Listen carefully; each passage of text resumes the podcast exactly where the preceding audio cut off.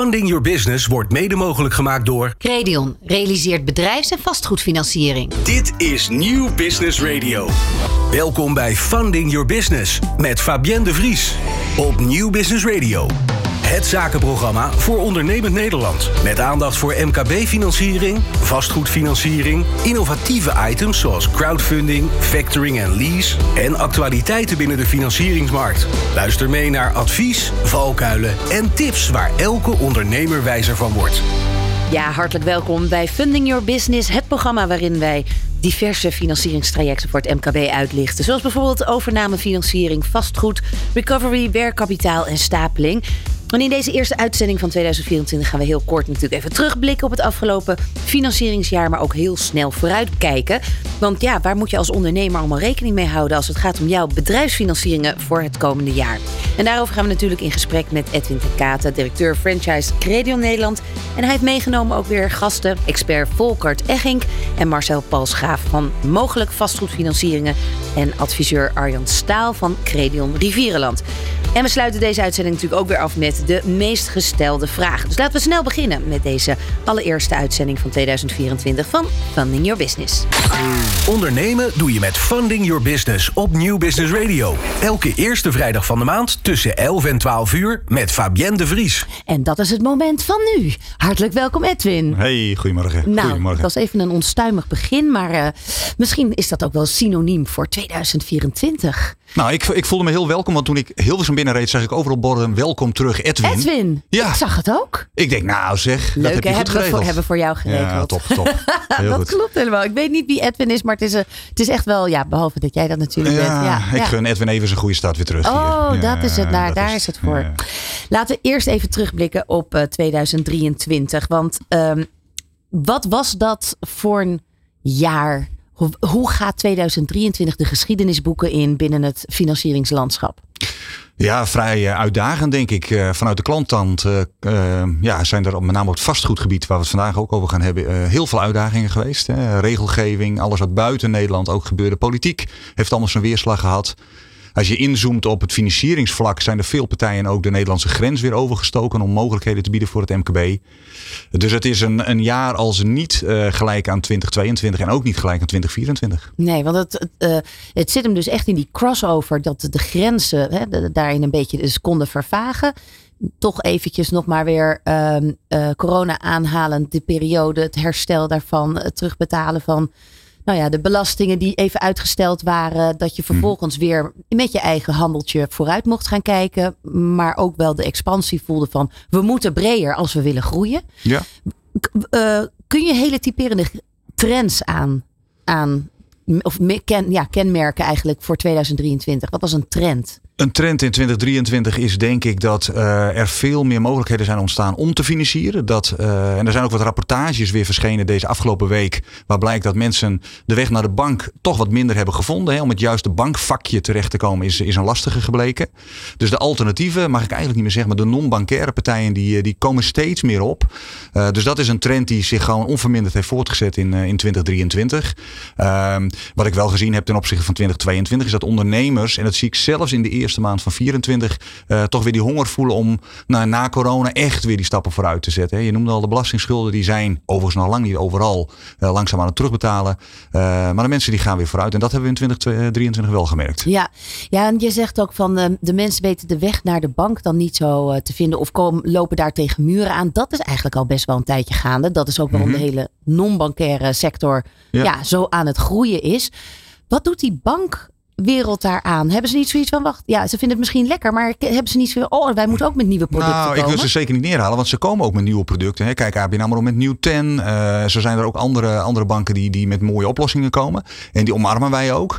Alleen ze kiezen ervoor om op een andere manier de distributie te organiseren. Hè. Dus als je kijkt naar het, het kleiner of het middelgrote MKB, vinden ze het heel prima dat het intermediair, maar ook het non-bankaire eh, circuit daar een rol in pakt. Ja. Dus ik denk dat we elkaar gewoon allemaal nodig hebben. Ja, nee, maar dat, in dat opzicht is het natuurlijk een uitkomst. Want de banken die, die dachten, oh wat lekker dat er gewoon andere ondernemers zijn die een deel van ons ingewikkelde uh, nee-zeg-moment uh, weg gaan nemen. Ehm, maar tegelijkertijd willen ze natuurlijk ook marketingtechnisch lijkt me zichzelf blijven positioneren als ook een bank waar je kunt ondernemen en mee kan ondernemen. Ja, maar ze zien het intermediaire kanaal, hè, waarvan hier uh, Arjan Eentje is namens Credion, zien ze natuurlijk als een manier om bij die bank binnen te komen. Dus het is niet zo dat ze die klanten wegstoten, alleen ze zien ze op een andere manier tot hun komen. Ja. En niet via hun eigen accountmanager, maar via het intermediair. Ja, ja, en misschien dat de eh, de criteria ook wel daarin zijn aangepast? Of de, uh, ja, maar dat is iets wat je natuurlijk, als je kijkt naar de markt vorig jaar vastgoed, dan zijn ook de non-bankaire partijen die kijken natuurlijk naar hun criteria voor, voor financiering. maar is dat dan niet een soort van uh, wipwap, weet je, waarbij, waarbij de non-bankaire instellingen en financiers wat strenger misschien wel zijn geworden? Wat meer gewoon van, nou, je moet wel echt gewoon met goede cijfers en alles moet kloppen, kloppen, kloppen. Terwijl de banken misschien dan daarin weer iets gas terug hebben genomen en niet de deur gelijk dichtgooien. Nou, daar speelt ook de wet van de grote getallen. In een hele grote bak kun je dus wat, eh, wat uitgeleiders hebben. Dus dat werkt bij die grootbanken natuurlijk wat, wat makkelijker dan wanneer je een niche speler bent of een non-bankaire partij. Wat ook opvalt en stimuleert is dat de creativiteit ook bij, vooral bij non-bankaire partijen uh, toeneemt. Dus allerlei leuke toevoegingen aan bestaande producten maakt dat ze steeds interessanter worden voor, uh, voor het MKB. noem daar eens een van. Ja, mensen gaan heel leuke constructie bedenken in de rente. Dus dat ze zeggen van eh, wil je vijf jaar rente hebben, dan heb je bijvoorbeeld ook een break moment na, eh, na drie jaar. Om dan te kijken van als de rente gedaald is, om daar een, op, op in te springen. Je kunt ook een, een deel van je rente die je moet betalen nu al bij de leensom oppakken. En dan vervolgens iets meer betalen, uh, maar uiteindelijk, of iets minder betalen, maar uiteindelijk iets meer lenen om, om alvast vooruit die rente te ontvangen. Hmm. En zo zijn er ook wel andere constructies. Er zijn ook partijen die springen in een niche in een markt die bijvoorbeeld wel recreatie doen. Hè. Kijk, ik had er net met Marcel over binnen, binnen mogelijk is dat ook mogelijk. Maar er zijn ook andere die zeggen van ja, ik ga wat meer richten op migrantenhuisvesting. Of, uh, dus mensen zoeken kansen of financiers en dat biedt mogelijkheden voor het MKB. Ja, als we inderdaad naar die kansen kijken uh, voor het nieuwe jaar. Eerst maar eens even gewoon januari. De maand januari. Als je een, als je een heel jaar hebt in general als ondernemers, maar misschien ook wel binnen financieringsland. Ik denk dat we die twee even moeten scheiden. Wat is januari voor een maand? Nou, voor veel mensen, eh, financiers, MKB-ondernemers, spannend. Want het is net al is 3112 een psychologische barrière waar ze overheen stappen en ze zien een blanco A4'tje liggen. Ik denk dat het heel goed is om met nieuwe energie gewoon te kijken van de plannen die je had in 2023. Uh, eh, een nieuw product erbij, uh, misschien een nieuwe groeimarkt, om dat inderdaad op te pakken. En wat belangrijk is, hoe breng je vervolgens zo'n product aan de markt? dus zorg ook dat je goed marketing idee hebt om, om zaken op te pakken. Maar als financier? Nee, in de volle breedte. Financiers, maar ook MKB-ondernemers. Hey, je hebt elkaar nodig om uiteindelijk vooruit te komen. Uh, dus je zal als ondernemer zul je plannen moeten maken, maar ook als financier. Nou, bij financiers zit ik er niet over in. Hè. We zien dat aan het begin van het jaar ook dat heel veel financiers er komen met dit willen we gaan doen in 2024. Nou ja, voor MKB-ondernemers moeten eigenlijk hetzelfde doen. Alleen die worden vaak, zeker als ze kleiner zijn, geleefd door de waan van de dag. Ja, en ik kan me voorstellen, je bent nog een beetje met Q4 bezig, af te sluiten, af te ronden.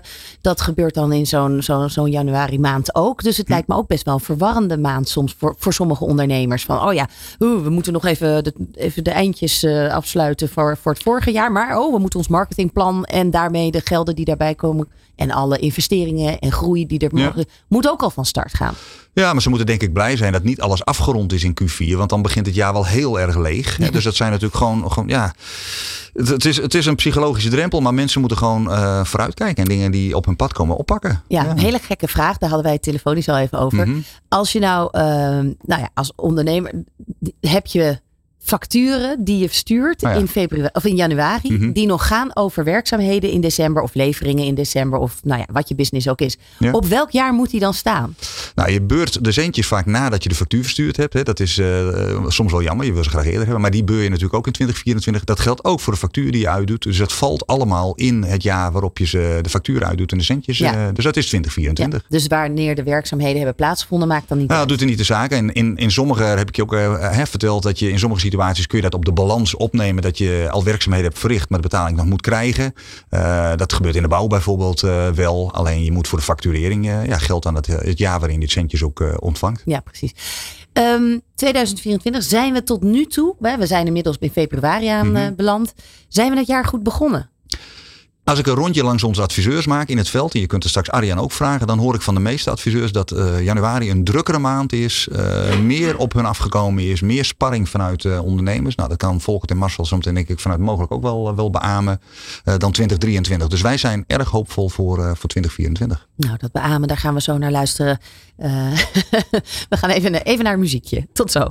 Van crowdfunding tot factoring en lease, ondernemend Nederland luistert naar Funding Your Business op Nieuw Business Radio. Ja, en we hebben aangeschoven Volkert Eggink. Ja, bekend gezicht hè, want we hebben onlangs nog met elkaar uh, uitgebreid over mogelijk uh, gehad. Die uh, podcast is overigens ook terug te beluisteren via onze website. Maar vandaag gaan we ehm, dat even in een ander kader doen, namelijk ook vanuit de samenwerking met Credion, met die intermediair, die dan vervolgens bij, je, bij, bij jullie komen.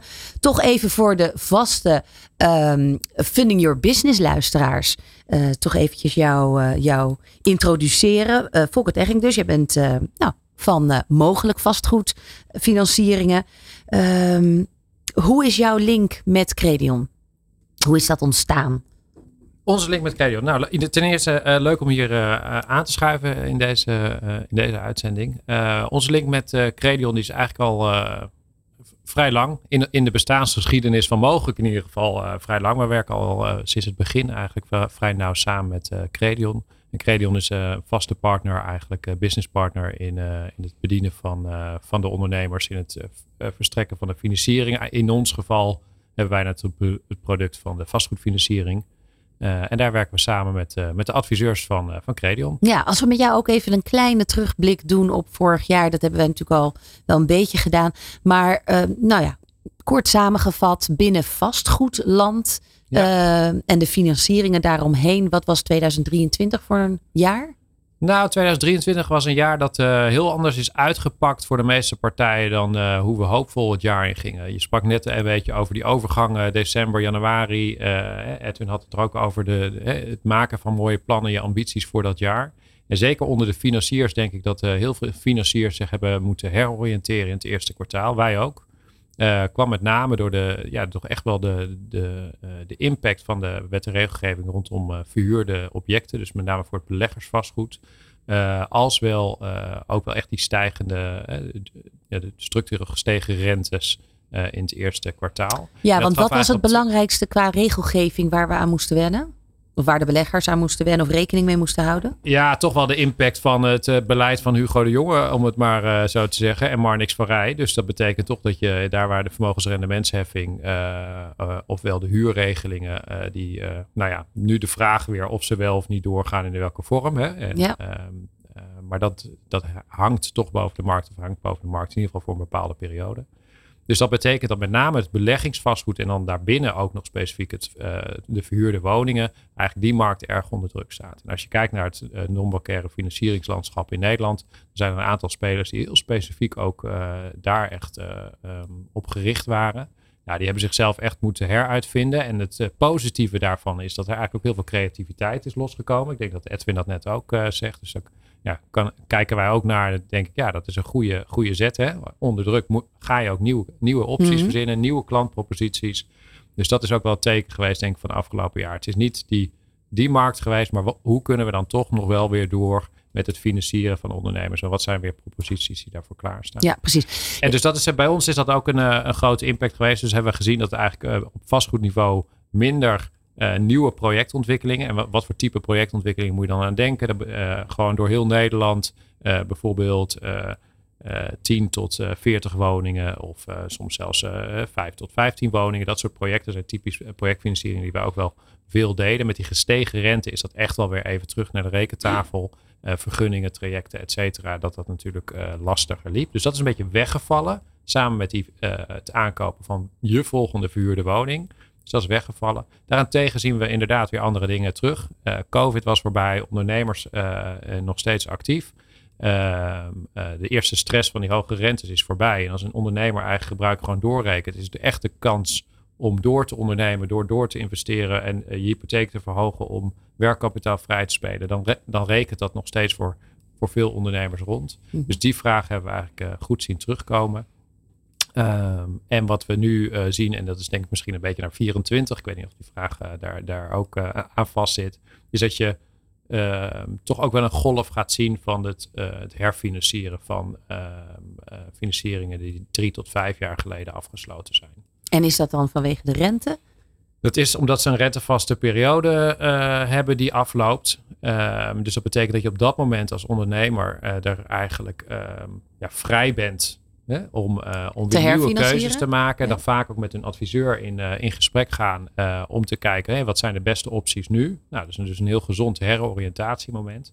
en het is in dit geval kijken we er dubbel, dubbel naar, want dat betekent ook dat het voor sommigen de realiteitscheck is dat de huidige rentes hoger zijn. Hmm. en daarbij speelt dus ook een adviseur. en in zo'n partnership met Credion is daarin ook een belangrijk factor. Een adviseur speelt, speelt daarin natuurlijk een, eh, een, hele goede rol om te zorgen dat de beste uh, propositie voor de klant op dat moment naar voren komt. Ja, en dan die, die dreiging, ik weet eigenlijk helemaal niet of dat al werkelijkheid is, die dreiging dat dan uh, het in box 3 gaat verdwijnen, de, de huur, heeft dat dan daar nog iets mee te maken?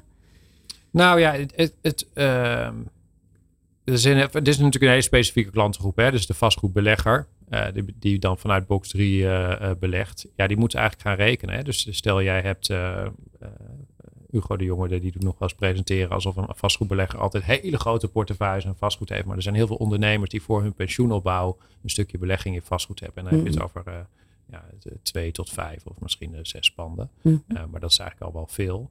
Um, je zal even moeten rekenen. Want als jij in box 3 dus meer aangeslagen wordt eigenlijk voor, jou, uh, voor jouw vastgoedbezit. Uh, je huur, huurprijs is gekapt. Uh, en je krijgt een herfinanciering waar je misschien op 2,5% rente zat of 2,9% rente. En je krijgt nu een aanbod op 5,5%. Mm. Ja, dan moet je die dingen even bij elkaar optellen en zeggen van hé, hey, wat doet dat eigenlijk met, met mijn rendement? Hè? Was pensioen bedoeld voor inkomen nu? Dan uh, zit je een beetje karig te kijken. Ja. uh, zeg je nou, weet je, uiteindelijk is het een pensioenopbouw. En dat zien we ook veel. Hè? Dus wat dat betreft denk ik ook niet al te stressvol met z'n allen. Maar uh, is het een pensioenopbouw voor over vijf of tien jaar? Ehm, dan kan je, kan je ook de keuze maken dat er misschien dit jaar niet zoveel uitkomt. Maar dat nu in transacties schieten, verkopen van panden. En dan eventueel over twee jaar als de rente daalt weer terugkopen. Is ook een hele dure grap. Mm. Dus je ziet dat mensen echt, echt maatwerk, even meedenken, meekijken.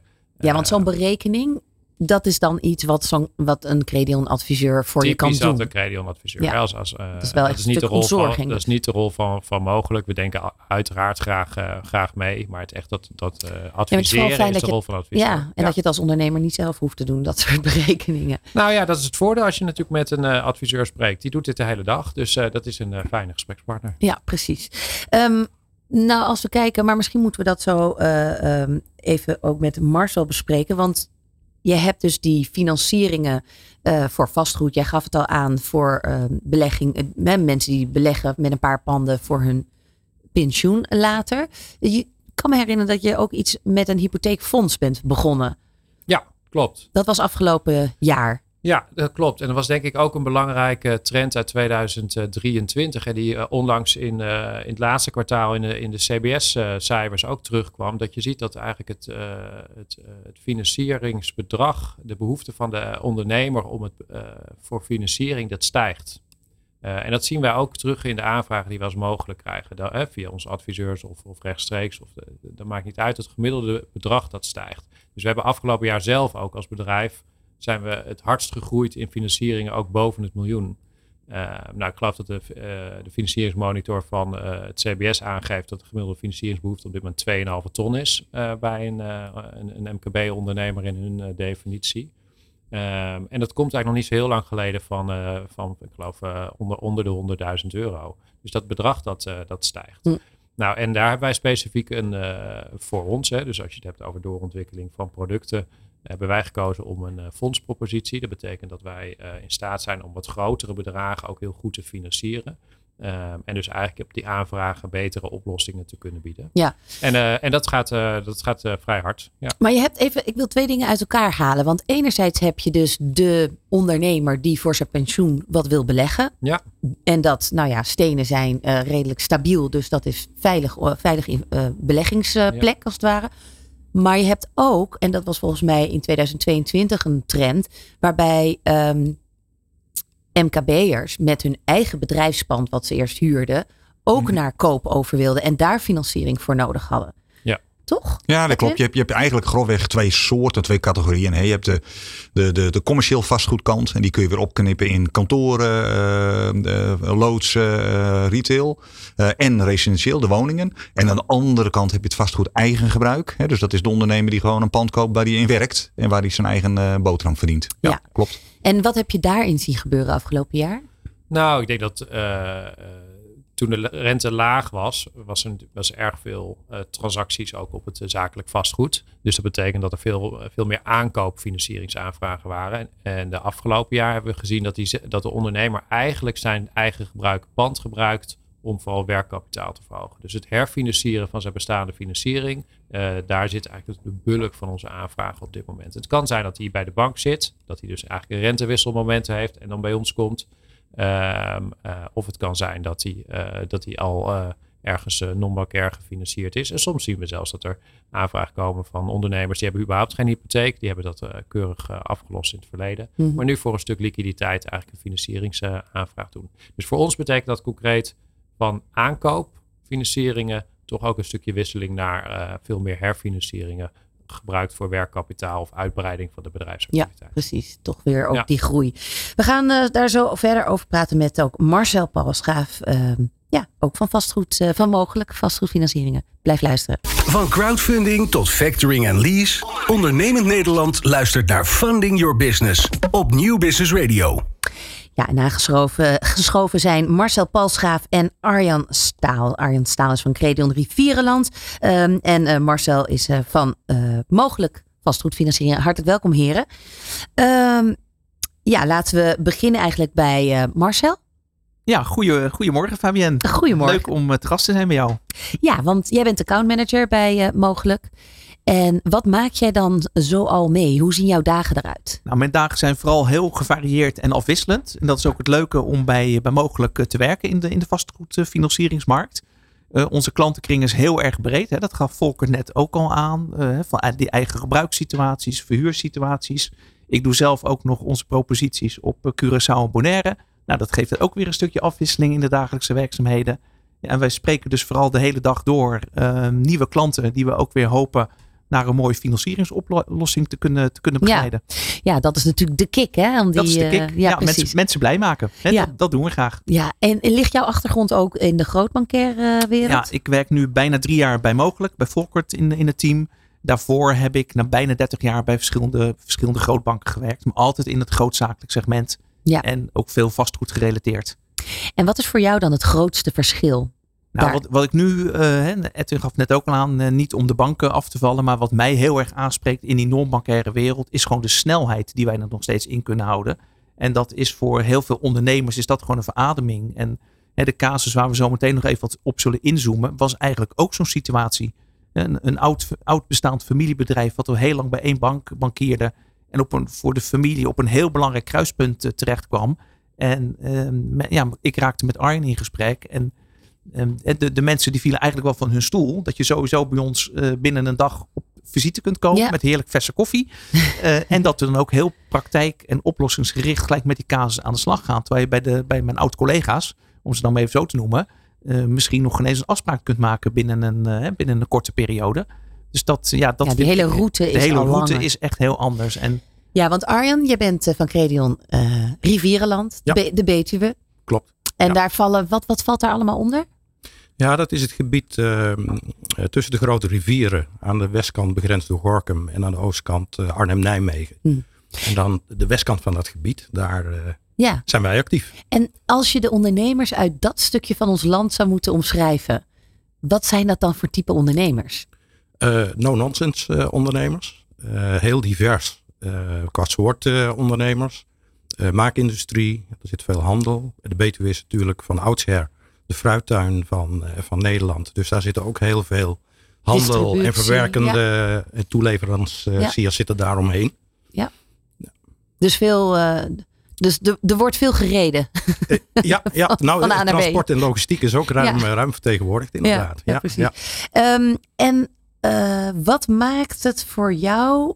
Wat ligt, ligt jouw achtergrond ook bij de bankaire, groot, bij de Ja, grootbanken? Ja, dat Ja, klopt. precies. Voordat ik met Credion gestart ben, heb ik 26 jaar eh, binnen een van de grootbanken gewerkt. Ja, Ja. en, dan, en dan, dan zit je dus op die plek. Nou, dan komt de ondernemer, die komt met een vraagstuk. We gaan zo een casus behandelen.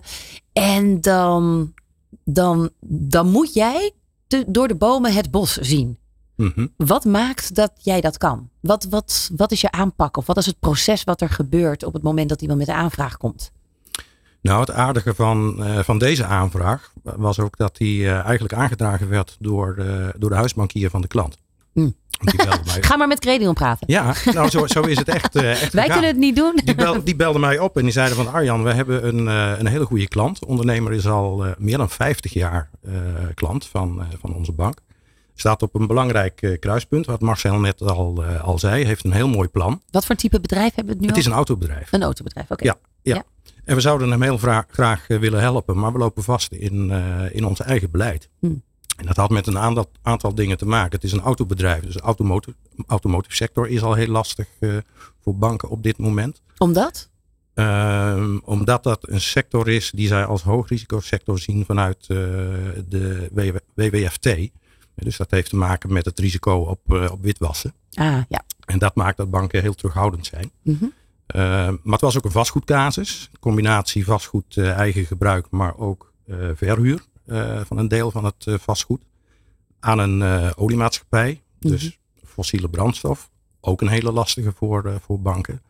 En er zat een component projectontwikkeling in, met sanering van een oude locatie. Dus ja, daardoor was het voor de bank heel ingewikkeld, Ja. complex. ehm, maar ze vonden toch dat de ondernemer goed geholpen moest worden. En eh, dachten, nou laten we Credion eens bellen om te kijken of die een oplossing eh, heeft. Ja, want zij En- hebben daar dan dus niet één product voor die eigenlijk al die gebieden, die sanering, die eh, vastgoed vergroot, of hoe zeg je dat? Ja, vastgoed eh, groei. Ehm, en, en wat was nou nog meer? Nou, het, het product eh, of de producten die hebben ze wel. Alleen eh, er zijn beleidsuitgangspunten die maken dat ze de producten op dat moment niet in willen zetten. Hmm. Hè, bijvoorbeeld, eh wij willen eh, geen uitbreidingen als het gaat over partijen die actief zijn met fossiele brandstoffen. Precies.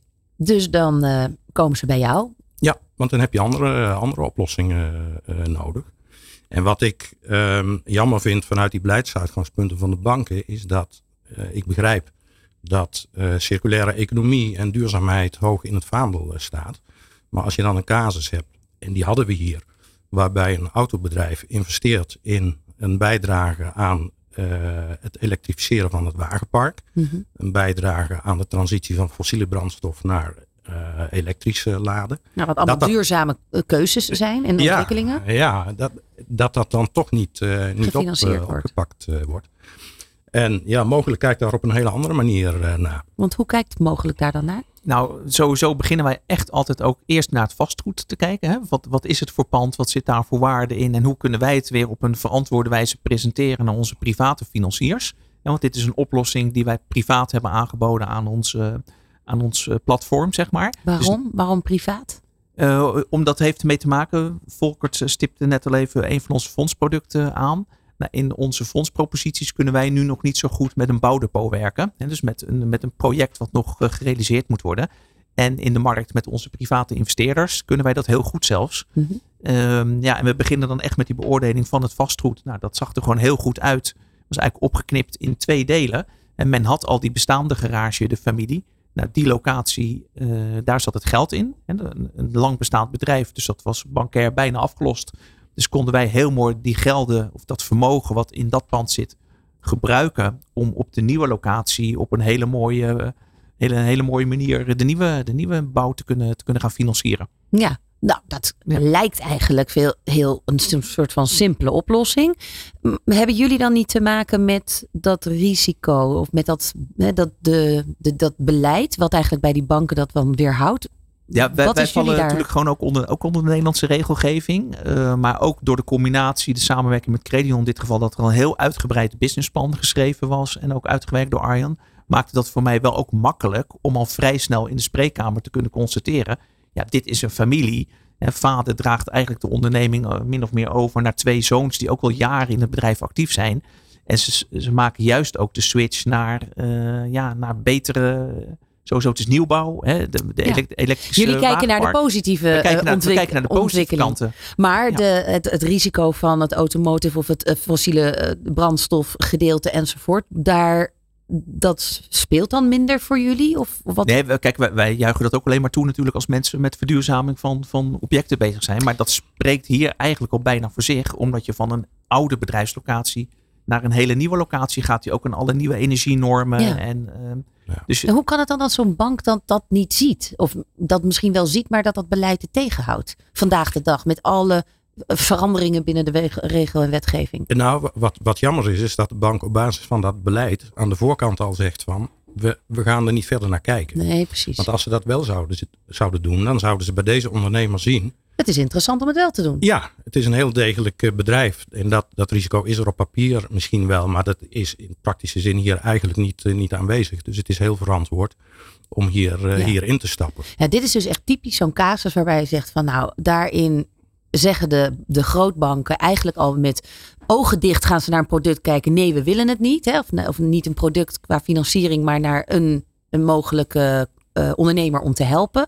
Ja. Ogen dicht, we kunnen dit niet doen, want eh, het valt in die en die categorie. Maar als je dan even verder kijkt dan je neus lang is en je duikt erin, dan kan het eigenlijk een hele mooie groene Ja. eh, groei betekenen voor, voor zo'n bedrijf. Nou, zeker. Kijk, het ene autobedrijf is ook het andere autobedrijf niet. En dat geldt natuurlijk in alle branches dat je daar verschillen hebt. Hè. Je hebt overal de pareltjes.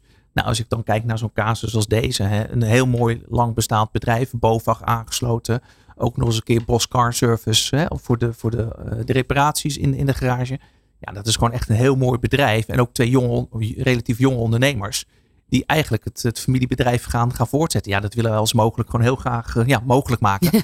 om daar dan weer ook binnen een, ja, een overzienbare tijd eh, tot een eh, match te komen met een van onze investeerders. Ja, en eh, hoe ver staat dat project op dit moment? Nou, het leuke is, ik heb vanmorgen nog even op de website ook gekeken. Dat eh, familie Den Beijer in, eh, in, in Herveld. Dus ik raad ook iedereen aan daar uit de buurt om toch eens even te Ja. kijken. Of misschien al te gaan tanken. hè. Het tankstation is al, Oh ja, is dat al is ook geopend. Dat is al open. Het is al geopend. Eh, het, eh, ja, een beetje het einde van dit kwartaal eh, is volgens mij de half volledige... maart. Ja, half maart is de eh, oplevering. gepland. Ja, Ja. Nou, dit zijn natuurlijk heerlijke casussen eh, om, om samen mee te werken. Wat is het volgende, ehm, ja, de volgende klantcasus die eigenlijk nu gefinancierd moet worden, waar jouw handen van jeuken, Arjen? De- nou, ik, ik ben op het moment heel erg bezig met, eh, met de overnamecasussen. Maar als zich weer een vastgoedcasus aandient, dan ik, ik, ik doe regelmatig zaken met mogelijk. Met name vanwege de flexibiliteit. Ja. En, en dat ze ook openstaan voor een stuk maatwerk. Wat eh, ja, bij de grootbanken op dit moment wat lastiger is. Ehm, overname, dat is waar jij dan nu op dit moment je tanden in zet. Wat is Mhm. de uitdaging daarvan qua financieringen? Ehm, dat ligt er een beetje aan wat voor soort, eh, soort overname het is. Wat we op dit moment veel zien is eh, de overdracht van het bedrijf in de familiaire sfeer. Hè, dus naar de volgende generatie. De uitdaging die daar vooral speelt is dat er eh, veranderingen op stapel staan met betrekking tot fiscaliteit. Hm. De fiscaal vriendelijke bedrijfsoverdrachtsregeling. Die staat toch eh, op een aantal onderdelen ter, ter discussie vanuit, eh, vanuit de politiek. En dat maakt dat eh, meerdere ondernemers gezegd hebben van nou dan halen we het traject toch wat naar voren. En dan proberen we daar nu al invulling aan te geven om eh, Ja. gebruik te maken van de faciliteiten die er nu nog, nu nog zijn. Ja, want daar zijn dus regelingen die dus belastingtechnisch interessant zijn. Maar als straks het kwartje naar links of naar rechts valt, dan Ja, ja, dan zal het tarief wat minder eh, aantrekkelijk worden. En ook de vrijstel, vrijstellingsregeling die er is, Ja. die wordt Oh, ik zie erin als, hoogstwaarschijnlijk als een beperkt. jekker de boel aan het overdragen. Ja, dat klopt. dus dat maakt dat we daar heel druk mee Heb jij je zijn. handen vol Ja. aan. Goed, ehm, we, gaan, eh, we gaan straks nog even verder eh, praten eigenlijk over al deze onderwerpen. Want ja, vastgoedfinanciering, dat zit hem natuurlijk eigenlijk nog wel in andere dingen. We hebben eh, net al de bedrijfspanden, we hebben het beleggen eh, en het hypotheekfonds benoemd. Maar hoe zit het eigenlijk met de winkelstraten en de kantoorpanden en de winkelcentra? Daar was ook van alles mee gaande. Blijf luisteren. Funding Your Business. Elke eerste vrijdagochtend van de maand tussen 11 en 12 uur met Fabienne de Vries op Nieuw Business Radio. Ja, laten we nog eventjes bij het vastgoed ehm, hokje, hoekje blijven. Want eh, als het gaat om, om, om financieringen. Want dat blijft natuurlijk gewoon ook wel een heel interessant spectrum. Omdat het ook zo uitgebreid is. Hè. We hebben, eh, ik kan me herinneren dat we op een gegeven moment ook spraken over... ehm, Nou, de, de winkelcentra die, die waren een beetje aan het leeglopen. En er moest weer een nieuw elan in enzovoort. En je zag dat bedrijfspanden die leeg stonden. ehm, nou, bijvoorbeeld in zo'n Amsterdam Zuidoost. Dat die omgebouwd werden voor studentenwoningen. Eh, wat hebben we nog meer gehad? De winkelstraten die natuurlijk met energie enorm eh, de koppen bij elkaar moesten steken. Zullen we eens gewoon eens eventjes, eh, eh, Volkert is weer even aangeschoven, eventjes een beetje langslopen wat daar nu, nu speelt. Want ik, ik, ik las op jullie website, de, de bouw van studentenkamers stokt een beetje. Nou, dan zit ik dus al gelijk aan die grote leegstaande oude, oude bank, bankgebouwen te denken. Ehm, hoe zit het daarmee? Ja, dus, ehm, ik denk dat eh, de huis, huisvesting staat onder druk en nieuwe huisvesting staat, eh, staat onder druk. En ehm, eh, wat we zien is dat het nogal lokaal, lokaal is of het wel of niet op gang komt en op gang blijft komen. Dus eh, eh, nou, we hebben inderdaad laatst, laatst ook ingezoomd op studentenhuisvesting. En dan zie je dat een lokale eigenlijk een lokale bouwer of een studentenhuisvesting, als die tot goede overeenkomsten komt eh, met de lokale, eh, lokale overheid over vergunningen eh, en plek kunnen krijgen, dan kan je voor, eh, tempo maken. Ehm, ehm, maar op, op kleiner niveau is het gewoon lastig. Maar die dus bouw het is eigenlijk het ondernemerschap van de, van de, van de, van de, van de stichtingen, de eigenaar van de studentenpanden. dat bepaalt of er eigenlijk op een plek voortgang in zit. En er zijn hele goede voorbeelden van. bijvoorbeeld in Delft. Ehm, maar er zijn ook plekken waar dat gewoon moeilijker is. Ja, want die vergunningen, eh, dat verschilt een beetje per gemeente. Ja. Is daar iets meer schot in? Zit daar iets meer, is het, wordt Nou. het iets meer versimpeld inmiddels? Nog niet. Ik denk dat vooral de politieke druk en het gesprek erover gaat, maar dat er nog niet. eh, niet eh, ja, Geen niet- tempo niet- nee, er is nog niet heel veel vrijheid daarin. Dus het zit een beetje in de, in de hoek van de, de toch de ondernemende, de wethouder. Eh, eh, die, eh, ja, gewoon die- de persoonlijke ja, de persoonlijke relaties die je eigenlijk op lokale vlekken het verschil kan maken. Maar goed, het is niet altijd alleen maar de vergunningen. Hè. Dus we hebben ook te maken op dit moment met een energienetcongestie, een crisis eh, daarin. Dat betekent dat, dat ook eh, nieuwbouw, hè, want we hebben het net eventjes over studentennieuwbouw, maar breder nieuwbouw van bedrijfs, eh bedrijfsonroerend op nieuwe bedrijventerreinen. Dat daar te maken is met kan je wel of niet een stroomaansluiting krijgen. Mhm. En dat is dus echt heel geografisch eh, bepaald. Hè. Daar waar het, waar het net problemen heeft, loop je er, eh, loop je er hard tegenaan. Dus dat is wat meer in het noorden, Noord, Noord-Holland. Toch? Nou, volgens mij is volgens mij de Noord. Volgens mij heel, heel gewaard daar omgeving. Volgens mij bij ons ook hoor. Bij jullie ook? Ja. Ja, ik, dacht zelfs eigenlijk in de regio Amsterdam heb je eigenlijk nog, ben je nog zit je nog redelijk goed. Eh, dat stuk van Noord-Holland. Dus Ja. Zuid, Zuid-Noord-Holland, om het maar even zo Ja, te noemen. Hè? Eh, dat- Heeft het zwaarder? eh, nee, nee ja, ja, daar zitten nog wel, wel mogelijkheden. Maar eigenlijk in de rest van de regio zitten veel, veel rode plekken. Mhm. Waar dus eigenlijk eh, überhaupt geen, eh, geen nieuwe aansluitingen eh, afgegeven worden. Of eh, het splitsen van, eh, van, eh, van eh, aansluitingen. Dus eh, een aansluiting is eigenlijk een, een groot goed. Hè? Dus heb je nu een aansluiting op het ene- energienet. Hou hem vast, niet opzeggen. Kijk of je je pand kan uitbreiden op diezelfde aansluiting. Want dan hebben we toch nog meer vastgoed. Ja, begin daar een business case op. Hè. Ga verhandelen in die, in die aansluiting en doe dat, eh, doe dat lekker landelijk. Hè. Misschien wel een, een nieuwe, nieuw businessmodel voor een ondernemer die dit, eh, Want, dit leg, leg uit. Nee hoor, ik, het is maar geintje. Ik bedoel, dit is wel een key wat jij zegt, hè, volgens. Hè. Op het moment dat je dat hebt en je kunt dat realiseren, dan kun je je plannen voortzetten. Nog even terug naar die studentenhuisvesting, maar dat geldt voor alle, alle ehm, initiatieven die lokaal of regionaal worden genomen. Het begint vaak met een ondernemende wethouder, iemand die goed meedenkt in vergunningen, iemand, eh, maar ook een ondernemer die bereid is risico te nemen. Want dat, kijk, het zoeken naar een financiering is één, hè, daar is Arjan wel in thuis, dus dat is geregeld. Eh, alleen ehm, eh, je moet ook wel zien waar het risico ligt. En als een, een cash is king, zeg ik wel eens. Als jij een ondernemer hebt die, die een project aandurft en over de dag van morgen heen weet te kijken, ja, dan kunnen er veel zaken eh, gebeuren. En dat zie je in Culemborg gebeuren, maar dat zie je her en der ook. Maar sommige eh, eh, plekken ja, stokt, het, stokt het nog steeds. Ja, Arjan, zo'n zo'n eh, energietekort of niet een aansluiting kunnen krijgen. Zijn dat ook casussen die bij jou binnenkomen? En waar jij, waar jij een oplossing voor moet vinden? Eh, nou, ze, komen zeker eh, binnen, want het is in ons gebied eh, heel actueel. In de loop van, van 2025 kunnen nieuwe ondernemingen gewoon niet meer, niet meer aangesloten worden. Dus wat je bij ons in het gebied, overigens ook in andere gebieden ziet ontstaan, is dat ondernemers kijken naar andere oplossingen. Het zij individueel, het zij als collectief van Mhm. ondernemers. Dat ze bijvoorbeeld door te investeren in eh, zonne-energie in combinatie met eh, batterijen, accu's om zelf stroom op te slaan. eigenlijk helemaal onafhankelijk te worden van, van een externe energieleverancier. Ja. Ja, en dat, is zijn de, de, kracht van een ondernemer uiteindelijk. Hè? Ja. Dit, dit, is het segment Nederland, die, uh, die pakt het probleem aan. Dus die wordt nu geconfronteerd met het gaat me niet lukken. Dan zegt een, een, een beetje een ondernemer zegt het gaat me niet lukken. Het gaat me wel lukken. Ik weet alleen nog niet hoe. En het is wel mooi ook om dan te zien hoe de, de, de verbroedering van uh, ondernemers in de regio dan de koppen bij elkaar steken. En dan zeggen van kunnen we dan niet gewoon onze eigen energie gaan opwekken. En dat met elkaar gaan verdelen. zelf, uh, zelf een oplossing. En het is heel lang uh, economisch lastig geweest omdat zo'n zo, zo accu-batterijoplossing ontzettend duur, duur was. En nog wel is, maar die, die prijzen zijn hard aan het dalen. Dus hmm. zo'n zo business case is uh, tegenwoordig wel rond te rekenen. Ja. Waar dat in het verleden nog niet, uh, nog niet zo was. Als we het dan toch over batterijen hebben, waarbij een groot deel vanuit China moet komen.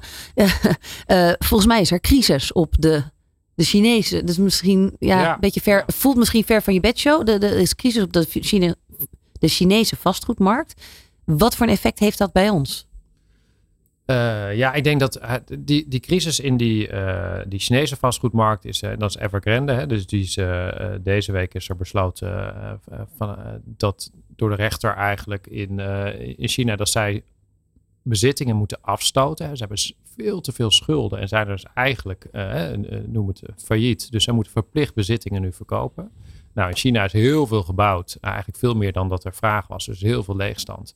Maar dat zijn enorme bedrijven. Het is natuurlijk een heel groot land. Hè? We hebben het hier over, uh, over Nederland. Maar dat is natuurlijk een hele andere mate. Dus het gaat over hele grote bedragen. Dus daar kijkt de markt toch wel een beetje spannend naar. Want wat voor een effect kan dat hebben dan op ons? Nou, dat, dat is toch wel een beetje van eh, wie heeft, eh, wie heeft uh, dat, die financieringen verstrekt? Wie heeft allemaal die schulden gegeven aan die hele grote projectontwikkelaar? En wat betekent het eigenlijk voor een doorrol-effect als die, die schulden eigenlijk niet terugbetaald worden? Hè? En dan kom je dan toch misschien wel in een internationaal spel terecht.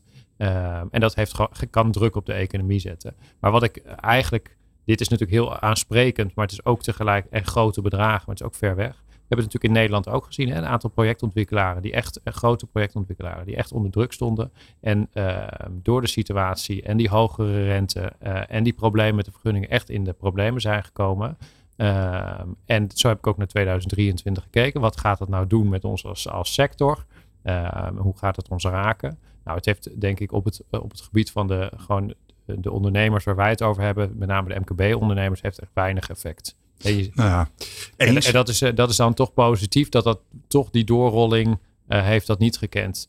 Uh, wat, mij, wat, wat, wat wij zien hoor, als mogelijk. Maar wat je dus als ondernemer, om het even klein te maken naar de ondernemers die hier ook luisteren naar deze podcast, ja. denk ik dat je uh, spreiden, dat dat ook een, een, een keyword is. Hè? Dus zorg dat je je risico spreidt, zorg dat je spreidt in je portefeuille. Zorg dat je, als je het over vastgoed hebt, dat je ook een mix in je portefeuille hebt. Zodat als je links en rechts een tikje krijgt, dat je het op kan vangen in een uh, andere ja. tak van sport. Ja. En ik denk ook dat dat een hele belangrijke is als je nadenkt over dus die buitenlandexpansie, die financieringen, als je zelf wat wil financieren in het buitenland. Mm -hmm. Of dat nou in China of waar dan ook is, maar ook voor, uh, ja, voor, voor jezelf. Ja.